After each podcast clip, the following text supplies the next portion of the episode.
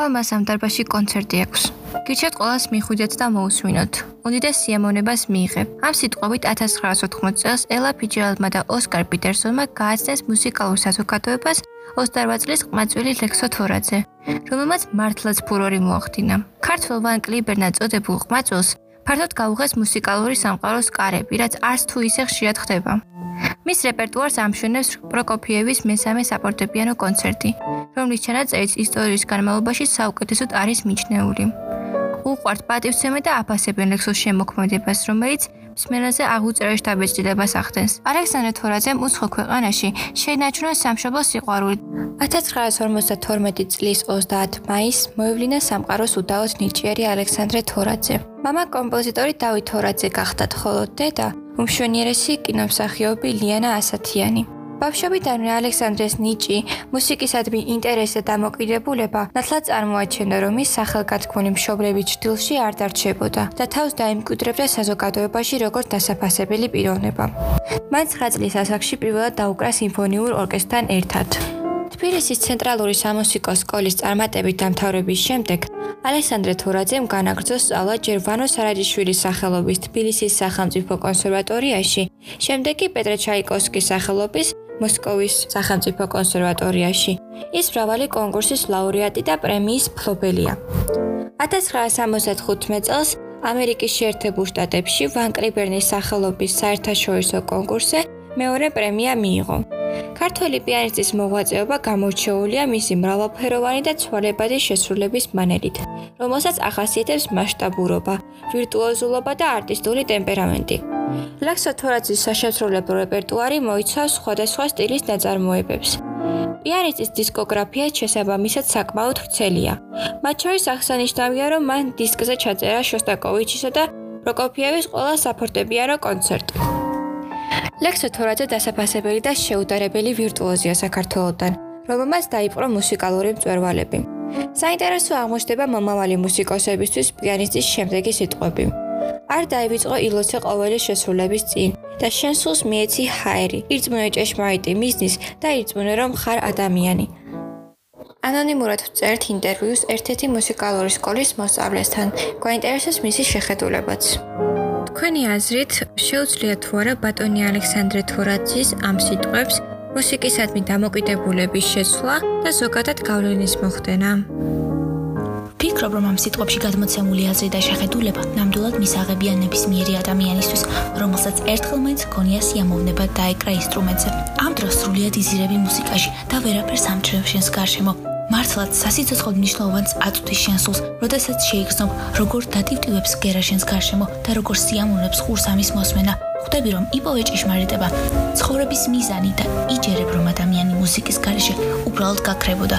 იმდენად ზუსტად არის ეს სიტყვები შერჩეული რომ ხვდები მუსიკის მნიშვნელობასა და არსს ამიტომ გასაკვირი არ არის რომ ყველა ასაკის ადამიანზე ეს სიტყვების ზეგავლენას ახდენს რამდენად იცნობთ ბატონი ალექსანდრე თორაძის შემოქმედებას რამდენად ხდება მისი ჩანაწერების მოსმენა თქვენს მუსიკალურ სკოლაში და გაგიგიათ თუ არა თორაძე პიანო სტუდიოს შესახებ ჩემს მუსიკალურ სკოლაში მუს ლიტერატურის გაკვეთილზე ხშირად ვუსმენ ჩანაწერებს, მაგრამ ეს უფრო ცნობილი პიანისტების შესრულებებია. მაგალითად, ხშირად მოგვისმენია რუბინშტეინის ნაწარმოებები. ჩემი აზრით, ეს პოდკასტი ბატონი ალექსანდრეს შემოქმედებას უფრო წარმოაჩენს. რაც შეეხება სტუდიას, სიმართლე რომ ვთქვათ, მხოლოდ გამიგია. რამდენჯერმე მოვისმენე სახელი გადაცემებსა და ვიდეოებში, მაგრამ ზუსტი ინფორმაცია არ მაქვს და მგონია, რომ თქვენი ვებგვერდი ნამდვილად დამეხმარება შევიტყო უფრო მეტი. 1983 წელს ალექსანდრე თურაძე საკასროლოდ ესპანეთში გაემგზავრა საბჭოთა კავშირის სახელი, მაგრამ ორკესტრის ხელმძღვანელობამ ესპანეთში ჩასვლისთანავე გამოთიშა იგი კონცერტებიდან. შეურაცხყოფილმა პიანისტმა საბედისწერო ნაბიჯი გადადგა. ის ქართული პასპორტით ამერიკაში გაემგზავრა და იქ განაგრძო მოღვაწეობა. ცხოვრების ალიაქვეჩში ის მოხვდა რკინის სამყაროდან თავისუფლებაში, რამაც მის პიროვნებაზე და შემოქმედებაზე რა თქმა უნდა იქონია გავლენა. ბატონი ალექსანდრეს გამოჩენა ამერიკულ მუსიკაში უნიკალური მოვლენაა.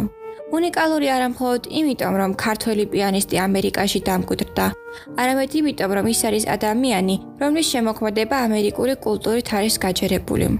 1991 წელს ლექსო თორაძე გახდა საუთბენის უნივერსიტეტის პროფესორი და აქვე დაარსა საფორტეპიანო სტუდია, რომელმაც აღიარება მოიპოვა. ეს არის ცენტრი, სადაც თავიანთ ოსტატობას სრულყოფენ ახალგაზრდა ნიჭიერი პიანისტები.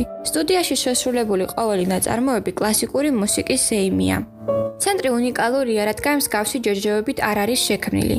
წევრები მუდმივად მოგზაურობენ, მონაწილეობენ პრესტიჟულ ფესტივალებში, მსოფლიოს წამყვან ორკესტრებთან და დირიჟორებთან ერთად და მსოფლიოს სცენებს ამშვენებენ. ბავშვობიდანვე გამორჩეული ლექსო თორაძე არ რჩება ყურადღების მიღმა. მას რა თქმა უნდა ეთყობა სობილი მშობლების გავლენა, მაგრამ თანდათან ყალიბდება როგორც დამოკიდებელი პიროვნება, რომელიც მისი ღირსების შეურაცხყოფის გამოც კი დასწმობს ოჯახთან სიახლოვეს და სრულიად უცხო გარემოში განაგრძობს ცხოვრებას.